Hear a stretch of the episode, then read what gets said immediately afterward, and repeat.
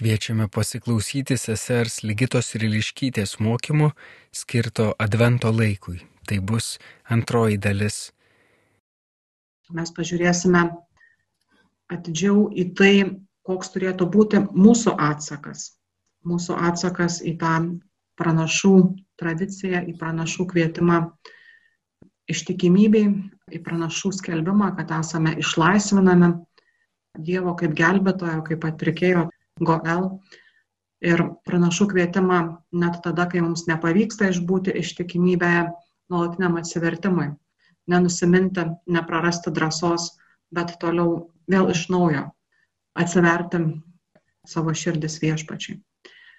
Tai mano tas dabartinis žodelis, tas mokymas apie Jėzų kaip mesijinių vilčių išsipildymą, jis yra iš trijų dalių. Pirmiausiai noriu tiesiog pažvelgti į tai, kaip Jėzus išpildo Senojo testamento pranašystės.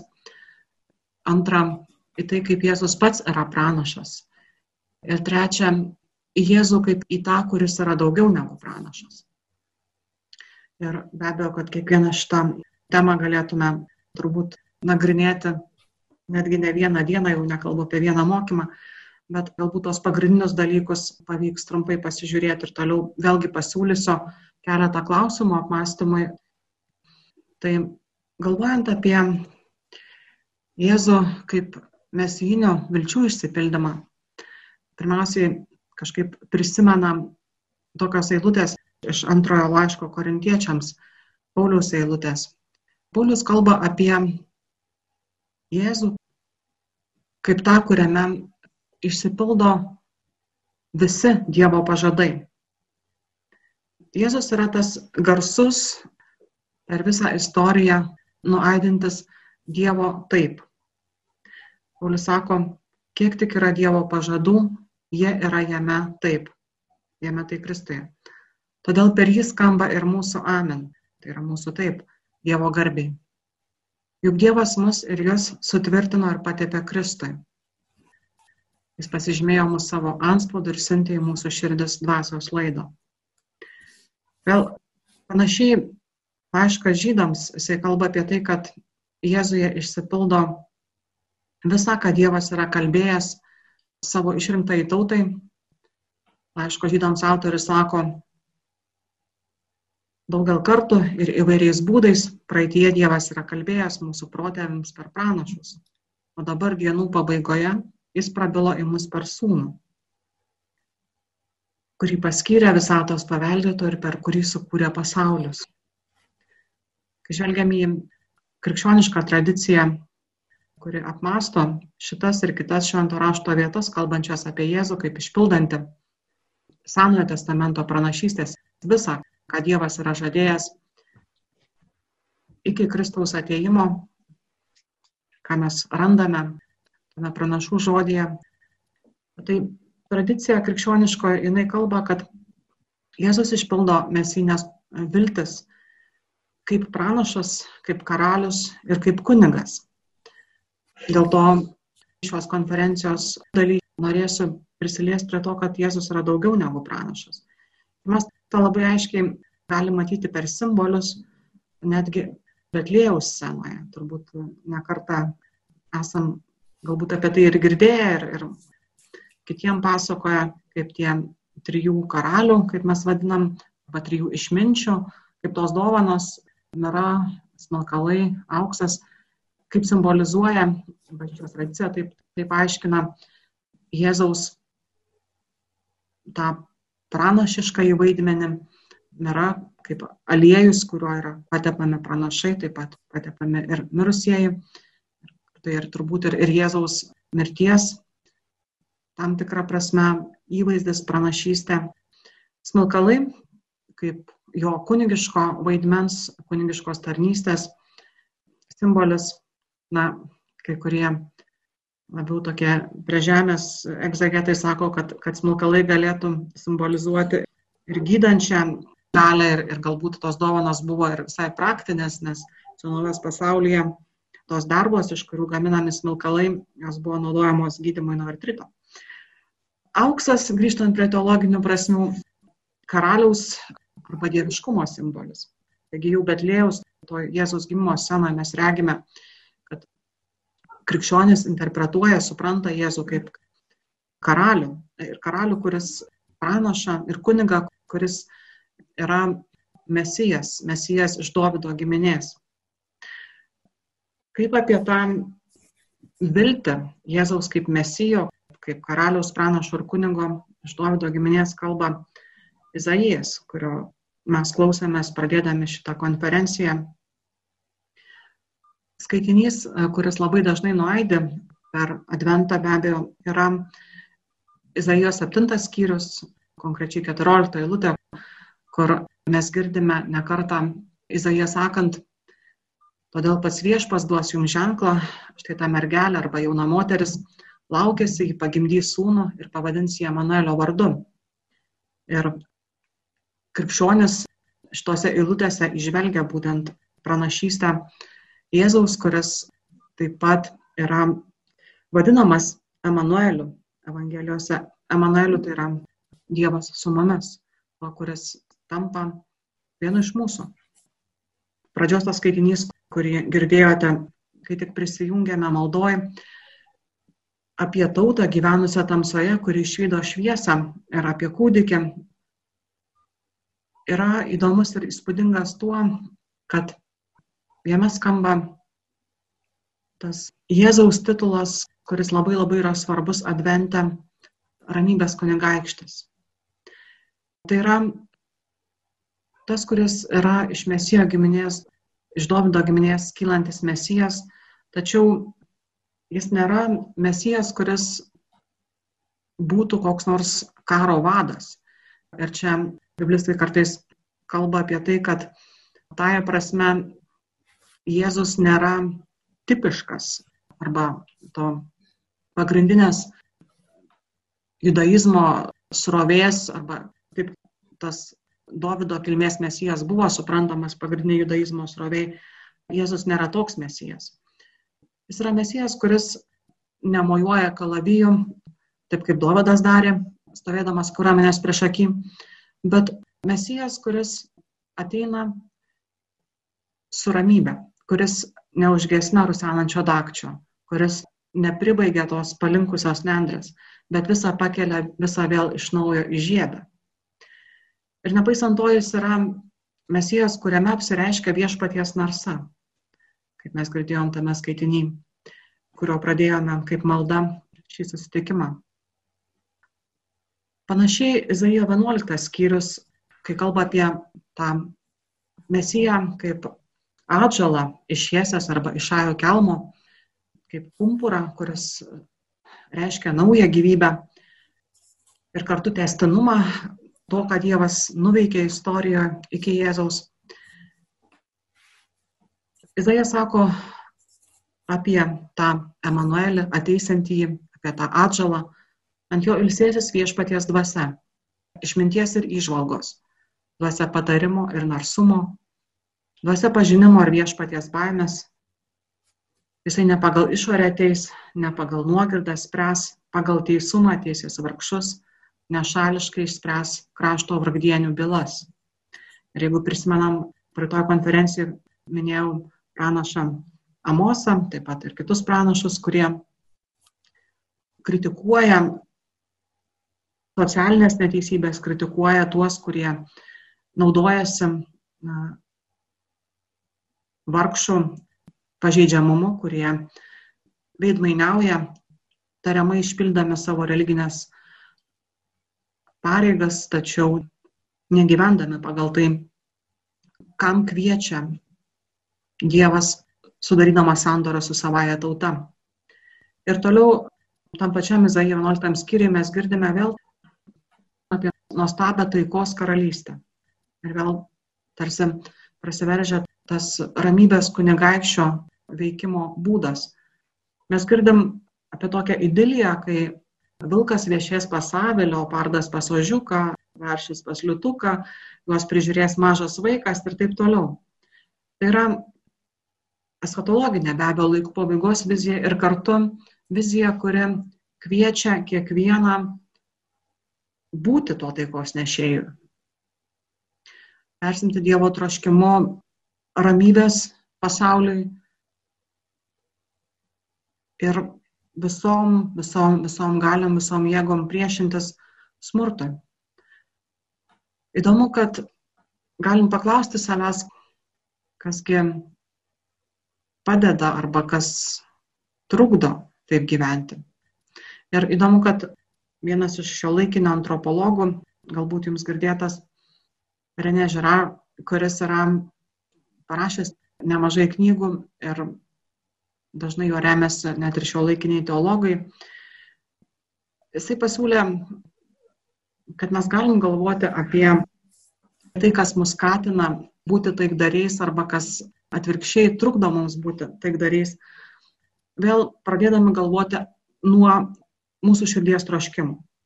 Ir kaip rytoj konferencijų sakiau, ir Augustinai čia labai taip pat aidė, tarsi Augustino ta tema, kad jo, mes savo, mūsų širdies kojos yra mūsų troškimai.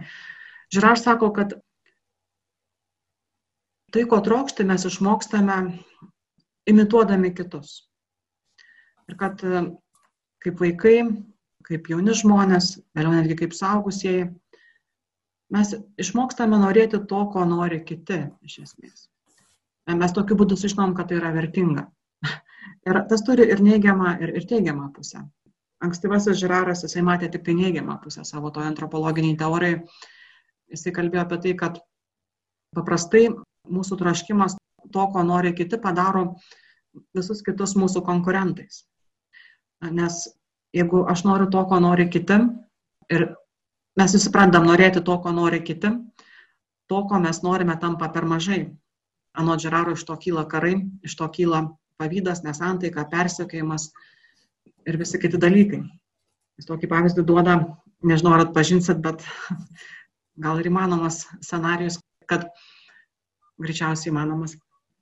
Sako, įeina žmogus į parduotuvę, dairosi, ką čia reiktų nupirkti, turi sąrašėlį kišenėje ir eina pro tuos kamoliukus, kur būna nuo streso, žinot, kur reikia gniaužyti tokie kamoliukai. Nu, pirštam gerai. Nu, šiaip jam nereikia to kamoliuko. Nu, nereikia jisai toks, gana ramus žmogus. Bet bėdamas pro šalį pamato, kaip vienas pirkėjas įsėda į krepšį pirkinių, mato, kad kitas netgi du kamoliukus įsideda, trečias dar ten prieės net ir keturis pasima. Ir tam žmogui kyla toksai supratimas, kad ir jam jau reiktų įsigyti. Nes kažkodėl šitie kamoliukai yra kitų trokštami, matyt geras daiktas. Taip panašiai veikia reklama turbūt.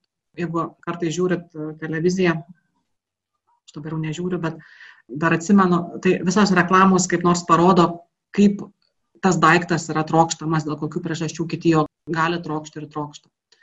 Ir Žiraras sako, kad tai yra tos nesantaikos, tų smurto ir, ir, ir kivirčių vienas iš atsiradimo būdų, kai mes išmokstame trokšti, ko trokšta kiti, trokštam, ko trokšta kiti, bandom tai turėti, nepaisant kitų. Ir Žiraras taip pat sako, kad lygiai taip mes galim išmokti ir teigiamą prasme, išmokti norėti, ko nori kiti, kai turim gerus draugus. Ir dar labiau Žiraras kalba apie Jėzaus liepinį kaip apie apie tą, kuris trokšta, iš tikrųjų, tą agapišką meilę, trokšta gero kitiems. Trokšta ne to, ko trokšta kiti, bet trokšta gero kitiems. Ta meilė, kuri visiškai yra nukreipta į kitą.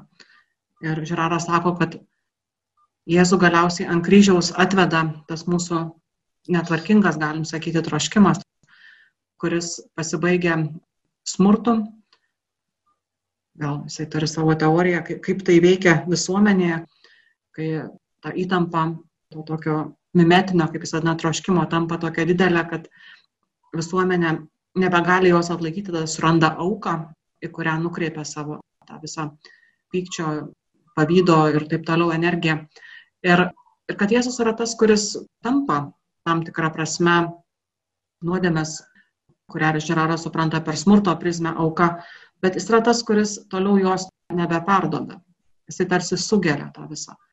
Ir kad iš Jėzaus troškimo, iš jo troškimo, kuris yra tėvo troškimas, nes Jėzus yra vienas su tėvu, mes galime išmokti, ką reiškia irgi trokšti ne to, ko trokšta kitas, o trokšti gero kitam, trokšti paties geriausio kitam.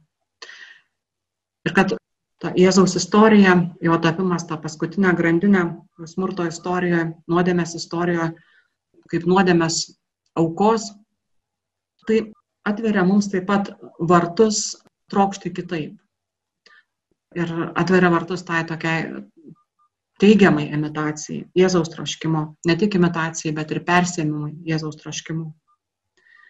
Tai galbūt galėtų būti praktinis pritaikymas to, ką mes girdime Senojo testamento, ypatingai Izaijo pranašystėse, kai bandome klausti, kaipgi Jėzus išpildo tą Senojo testamento pranašystės, ypatingai kaip ramybės, kaip taikos kunigaikštis. Antras dalykas, apie kurį norėjau kalbėti, kad Jėzus tęsia Senojo testamento pranašų tradiciją ir toj tradicijoje labai svarbu yra pranašų kvietimas ištikimybei, pranašai kviečia Dievo tautą ištikimybei, atsivertimui ir taip pat skelbia Dievo laisvinantį veikimą. Galėtume sakyti, kad Jėzuje tai išsipildo ypatingų būdų. Ypatingų būdų dėl to, kad Jėzus yra, kaip prieš tai girdėjome iš, iš laiško žydams, yra ir žmogus, ir pilnai Dievo sūnus. Tikras Dievas. Šio laikiniai 20 amžiaus šio laikinį turbūt jau reiktų sakyti apie 21, tai 20 amžiaus teologai kalba apie, pirmiausiai apie tą Jėzaus žmogystę, vėlgi tokiu labai augustinišku būdu. Nes kai mes galvojam apie Jėzų kaip tęsianti Seno testamento pranašų tradicijas, be abejo, kad pirmiausiai mūsų žvilgsnis krypsta į jo žmogystę, į tai, kur mes, mūsų prigimtis susivienyje su ta dieviška prigimtim dėl Jėzaus aukos ir dėl tos malonės, kuri mums yra dovanojama per Jėzaus auką. Ir Augustinas dar yra kalbėjęs apie Jėzų kaip apie pavyzdį mūsų žmogiškumui ištobulinti ir kaip apie sakramentą. Tai yra tą, kuriame malonė, kaip sakiau, malonės dėka mes esame perkeičiami. Bažnyčios ankstyvėjai tėvai tą perkeitimą netgi drąsiai, labai drąsiai vadina sudėvinimu. Perimdamas šitą Augustino mintį ir švento rašto tradiciją, 20 amžiaus teologas Karlas Raneris sakė, kad galime mąstyti apie Jėzaus įsikūnymą, jo tapimą žmogumi, kaip apie Dievo veiksmą, kuriame Dievas ištobulina žmogaus prigimtį, atbaigia žmogaus prigimtį. Jėzuje ta žmogaus prigimtis yra tobula. Ir Raneris netgi sako, kad čia yra toks ilgas teologinis debatas, į kurį dabar nesileisiu, toks e, Dans Skotas e, ginčiuosi su dominikonais, pranciškonais, dominikonais, niekada per daug nesutardavo, bet Raneris sako, kad net jeigu prileistume tokią mintį, kas yra tik tai grina spekulacija, net jeigu nebūtų buvę nuodėmės, Dievo sūnus vis tiek būtų tapęs žmogumi. Kodėl Raneris sako? Dėl to, kad tai yra Dievo tas pilnutinis išsipildymas, Dievo plano, kur žmogiškoji prigimtis pasiekia pati savo pilnatvę, būtent Jėzaus asmenyje. Ir žiūrėdami Jėzų kaip į žmogų, kaip tą, kuris skelbia tai, ką skelbia Izraelio pranašai, kuris be abejo nėra tik žmogus, bet yra tikras žmogus. Mes galim pastebėti tuos pačius dalykus, apie kuriuos kalbėjo Senojo testamento pranašai. Mes matom, kaip Jėzus priešinasi nuodėmiai, socialinė teisybė, išnaudojimui, kaip, sakykime, nesitaiksto su religinė veidmainystė. Atsimenat, turbūt visi gerai tos epizodus, kai jisai šventykloje išvarto stalus, kai veidmainiaujančius fariziejus vadina pabaltintais grabais, nenusileisdamas, sakyčiau, Amoso Bašano karviams. Jis ištikimas Dievui, kaip ir Seno testamento pranašai. Mes girdime Evangelijose, kad Jėzus per dieną tarnavę žmonėms, gydė žmonės, laisvinės iš demonų, naktį praleidžia maldoj.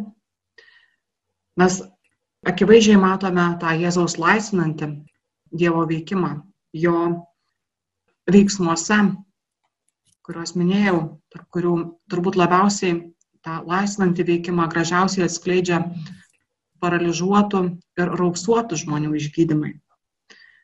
Nes kalbėjom apie tą tremties įvaizdą, tremties kaip to, kas izoliuoja, kas atskiria, kas um, apkarpo arba visiškai atima įvairias galimybės ir turbūt tokios lygos kaip raupsai senovės pasaulyje, kurios padarydavo žmogų iš tikrųjų atskalo visuomenės iš baimės apsikrėsti.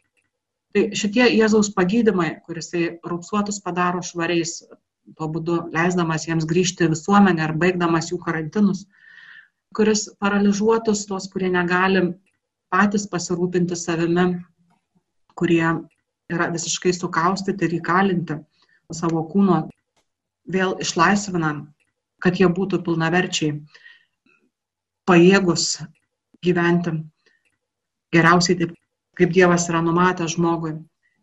Ir be abejo, kad Jėzaus išgydymai kaip ženklas tos karalystės ateimo kalba apie Jėzaus kaip gelbėtojo, bet kartu ir apie jo gelbėtojo vaidmenį, bet kartu ir apie jo kaip apie pranašo vaidmenį. Pranašo, kuris skelbia ir kartu įkūnija Dievo laisvinantį veikimą. Kokia, galbūt tokia praktinis pritaikymas apie ką galim pamastyti irgi savo iš to antrojo punkto, kad Jėzus tęsia Seno testamento pranašų tradiciją ir kad jis tęsia tą tradiciją ne tik tai kaip Dievas, bet ir kaip tikras žmogus. Tai viena turbūt mums svarbi pamoka yra, kad kadangi Jėzus yra tikras žmogus, Jėzaus sėkimas, Jėzaus kaip žmogaus sėkimas mums nėra kokia nors misija neįmanoma. nes jo malonės dėka, net ir būdami sužeistos prigimties, jo malonės dėka mes visi dalyvaujam tame žmogiškos prigimties ištobulinime. Arba, kaip sakiau, pirmųjų bažnyčios tėvų kalba sudėvinime. Antra tokia gal praktinė irgi išvada arba praktinis pritaikymas galėtų būti, kad Jėzaus kaip kunigo ir pranašo vaidmuo, kaip ramybės kunigaikščio vaidmuo irgi yra mums patikima. Bet pasaulyje, kuris yra sužeistas nuodėmės, mes negalim šito atlikti niekaip kitaip, kaip susidurdami su patirtim, jog meilė kažkaip kažkokiu būdu tokiame pasaulyje, kokį pažįstam, visada atves prie kryžiaus. Prie pasirinkimo ar kažko atsisakyti iš meilės, taip kaip Jėzus padarė, iki galo atsisakydamas visko iš meilės, ar pasirinkti lengvesnį, saugesnį kelią ir tą apgaulingą ramybę. Nes turbūt yra ir, ir ramybės keletas rušių. Viena yra ta nieko neveikimo, pasivumo rizikos neprisėmimo, taip pat ir kryžiaus neprieimimo ramybė. Kita yra ramybė, kuri kyla, nepaisant to, kad įžengėme į tamsą, kad um, pasirenkam pilnai imituoti ir dalyvauti Jėzaus troškime. Ir e, čia prisimena toksai, tokia istorija, kaip, kaip pavyzdys, kažkada galbūt esu dalinusis tą istoriją, gal nepažįstama iš, iš literatūros ar, ar iš iš filmų, nes žinau, kad ir filmas yra sukurtas apie tai, kaip mūsų tame pasaulyje veikia tas kvietimas dovanoti save meilėje. Šitą istoriją man prisimena ir dėl to, kad jos pavadinimas, čia yra tokia O. Henrio parašyta apsakymas, novelė trumpa, pavadinimas yra išminčių dovana, kaip aluzija į tą Betlėjaus, Betlėjaus įvykį. Ir veiksmas vyksta Amerikoje, New York'e, o Henry rašo, kad kalėdų išvakarėse moteris Dela Young masto, ką galėtų nupirkti savo vyrui dovanų ir suranda tik tai nepilnus 2 dolerius. Jie gyvena nepasiturinčiai, ieškodama, bandydama suvokti, kiek turi tam išteklių. Taigi jinai vis tiek nori kažką dovanoti tokio, kas būtų svarbu jos vyrui Džimui. Ir jinai nusprendžia apsilankyti pas kirpėją ir kirpėja pasiūlo, pasidalina su ją savo dviejonėm, kaip čia elgtis ir, ir skausmu, kad negali kažko vertingo padovanoti. Ir jos kirpėja Dela pasiūlo, kad jeigu jinai norėtų, gali nukirpti jos plaukus, už 20 dolerių juos nupirkti. Apsakymė, Dela sutinka ir už tos 20 dolerių, čia kalba eina apie 20 amžiaus pradžią, ir buvo dideli pinigai, nuperka platininę grandinėlę kišeniniam laikrodžiai savo vyrui.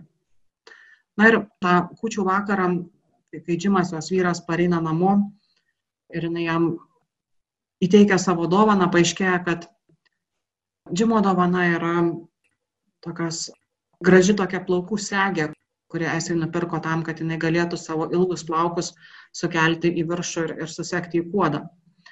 Ir abu supranta, kad, reiškia, jisai kad galėtų nupirkti tą segę, parduoda savo laikrodį ir abu supranta, kad nei viena dovana dabar nebus panaudojama, nes bent jau kol dėlos plaukai netauks ir taip pat džimas turi grandinėlę, ant kurios nėra ką pakabinti. Man gražu, kad šitoje istorijoje iš tikrųjų istorija baigėsi tokia džiaugsminga gaida, nes kažkaip abu ir džimas ir dėla supranta, kad nesvarbu, kad jie negali tų dovanų dabar panaudoti. Iš tikrųjų, kad tos dovanos parodo, kiek jie yra pasiruošę toli nueiti vienas dėl kito ir kiek toli yra pasiruošę atiduoti dėl vienas kito.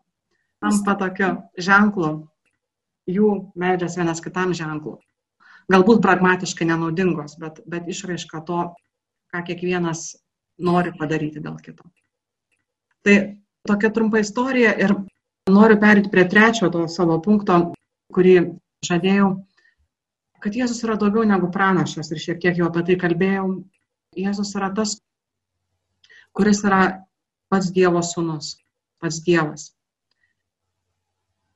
Įdomu, kad kai mes žvelgiame į šventąjį raštą, tai Jėzus kalba apie Joną, pranašą Joną, kaip tą, kuris yra daugiau negu pranašas. Turbūt atsimenat irgi, kad Jėzus kalbėdamas apie Joną, Mato Evangelijos 11 skyriuje, sako minioms, klausia, ko išėjote į dykumą pasižiūrėti. Ar švelniais drabužiais vilkinčio žmogaus, ar pamatyti pranašo, tai sakau jums ir daugiau negu pranašo. Jis yra tasai, apie kurį parašyta, štai aš siunčiu pirm tavęs savo pasiuntinį ir jis nuties tau kelią. Jonas rodo Jėzui kelią. Ir Jonas jau yra daugiau negu pranašas anot evangelisto mato. Ir iš kitų Evangelijos vietų, ypatingai iš Jono Evangelijos, mes regime, kad pats Jonas prisipažįsta, kad jis net nevertas atrišti kurpių dirželio Jėzui. Nes Jėzus yra pats Dievo žodis, tapęs kūnu. Įdomu, kad vėlgi šventajame rašte yra daug taip pat netiesioginių tokių įrodymų, kad krikščionis netgi dar prieš tai, kai buvo užrašytos tos evangelijos, kurios turbūt daugelį žinot yra tarp vėlyvesnių nuo testamento raštų, e, ankstyviausias tekstas, kurį mes turime, kuris atspindi tokį ankstyviausią krikščionių supratimą apie tai, kas krikščionis yra, apie tai, kas Jėzus yra, yra būtent Pauliaus laiškai. Tai jau Pauliaus laiškuose mes randame įvairiais būdais Paulių parodant, kad Jėzus yra Dievo sūnus. Vienas iš būdų, kuris yra įdomus ir, ir kartais galbūt ne visiškai mums pažįstamas, kad Paulius savo laiškuose Jėzų vadina viešpačiu. mūsų akis tiesiog automatiškai prabėga tom eilutėm ir turbūt net, net kreipiam dėmesio. Bet kas yra įdomu, ką biblistai paaiškina, kad tas žodis viešpats, Kyrijos, graikiškai, Nuojas testamentas be abejo graikų kalba užrašytas, seniausiuose rankraščiuose yra rašomas tokiu būdu didžiosiomis raidėmis, panašiai kaip būtų rašoma netariamas Jahvės vardas Sename testamente. Ir tai, kad taip pat Pauliaus laiškai išlaiko dar ankstyvesnį to į graikų kalbą išversto viešpats žodžio variantą, tai yra Marijach, kuris yra Maranata viešpatė ateik, to, to šūksnio dalelė, rodytų, kad žodis viešpats Evangelijose nėra koks nors importuotas iš graikų pasaulio, kur ponai buvo vadinami viešpačiais, cezariai buvo vadinami viešpačiais, bet ateina iš daug gilesnės aramėjiškosios tradicijos ir siejamas būtent su tuo netariamu Jagvės vardu. Adonai vardu, kurį mes girdėjome ir meldėmės su juo, kai turėjom progą pabūti su tom o antifonom. Tai Jėzus viešpats arba Jėzus Kristus yra viešpats. Iš esmės Paulius laiškuose reiškia, kad Jėzus Kristus yra tas, kuris dalyvauja, kuris yra tam tikrą prasme Jagves, vienintelio Dievo žydų tradicijoje apsireiškimas, įsikūnymas ir paaiškinimas, kaip sakytų evangelistas Jonas. Taigi, kai mes žvelgiame į Jėzų, mes galim atrasti vėl galvojant apie praktinius dalykus, dvi tokias pamokas. Taip Jėzus yra mūsų draugas. Taip Jėzus mums parodo pilną žmogiškumą. Ir kartu jis yra daugiau negu mūsų draugas. Jis yra tas, kurio dėka mes galime leistis netgi į tamsą. Jis yra ne tik draugas, bet ir ganytojas. Ne tik draugas, bet ir atpirkėjas, gelbėtojas. Kaip psalmė 23 sako, net jeigu eisi per tamsiausią slėnį, aš draugė būsiu. Kaip Ozėjas, kaip mes skaitėme, kalba apie tą vilties slėnį, tiksliau, ašarų slėnį, kuris tampa vilties slėniu. Taip Jėzaus ateimas perkeičia tą tikrovę ir leidžia mums iš tikrųjų drąsiai pasitikti iššūkius, kuriuos Dievas leidžia, bet kuriuose nepalieka mūsų vienų. Ir Paulius labai gražiai tą kvietimą būti Kristuje kaip tame, kuris yra ir Dievas, ir žmogus, išreiškia per tokį posakį, kuris graikiškai yra iš dviejų žodelių en Kristo. Lietuviškai būtų tiesiog vietininkas Kristuje. Toks labai labai Pauliui specifiškas pasakymas. Paulius nuolat ir nuolat kviečia pasilikti mus Kristuje, būti Kristuje. Ir biblistai sako, kad tas vietininko linksnis, gramatiškai žiūrint, turi tokius keturias tokias prasmes. Tai yra, biblistai sakytų, instrumentinę prasme, kad pasilikti Kristuje reiškia leisti Kristui veikti per mus. Turi tokią priežastinę prasme, kad per Kristų mes galime veikti taip kaip Kristus. Turi taip pat e, šaltinio prasme, kad mes galime leisti Kristui veikti per mus ir būti kaip Kristus, nes pats Kristus yra šaltinis, kuris niekada nesibaigia Kristus mumise ir taip pat turi tokią vietos, tai čia jau sutampa su lietuvišku linksnio pavadinimu vietininkas vietos prasme. Kad mes esame Kristuje kaip vietoje. Ir ta šita paskutinė prasme, aišku, siejasi su tuo Kristaus mistiniu kūnu. Kad mes esame Kristuje kaip vietoje ne pavieniui, ne po vieną, bet kaip bendruomenė. Mes esame kaip bendruomenė, kuri sudaro Kristaus kūną, esame jo nariai. Ir praktinė prasme tai yra kvietimas likti bendruomenė. Ir adventas yra geras laikas apmastyti Kristų kaip tą, kuris tebe gyvuoja, būtent tebe gyvena fiziškai, prieinamai, regimai mums ir mūsų tikrovėje, bažnyčios bendruomenės tikrovėje, Euharistijos tikrovėje. Pasilikti Kristuje, pasilikti kaip mūsų, kaip bendruomenės gyvenimo šaltinėje ir viršūnėje. Taigi pabaigsiu klausimais, kurie galėtų būti kažkokiam pagalba jūsų apmąstymam.